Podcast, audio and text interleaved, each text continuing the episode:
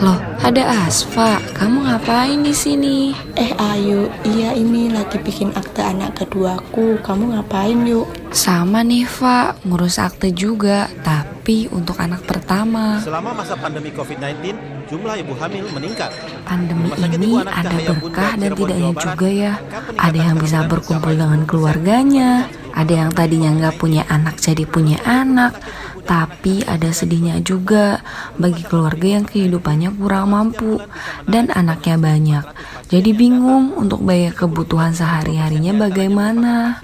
Sebetulnya program pemerintah untuk KB itu ada benarnya loh, karena pemerintah kan juga nggak mungkin bikin program sembarangan, karena adalah aset bangsa di masa depan. Untuk menjadikan anak yang baik dan berprestasi, maka harus menghadirkan keluarga yang baik juga. Jadi mending punya anak dua tapi berkualitas daripada punya anak banyak tapi tidak bisa membiayai anaknya untuk kehidupan di masa depan. Yuk, ikutan KB agar menjadikan keluarga yang berkualitas dengan lahirnya generasi yang sehat dan cerdas. Keluarga kecil berkualitas untuk tercapainya Indonesia maju.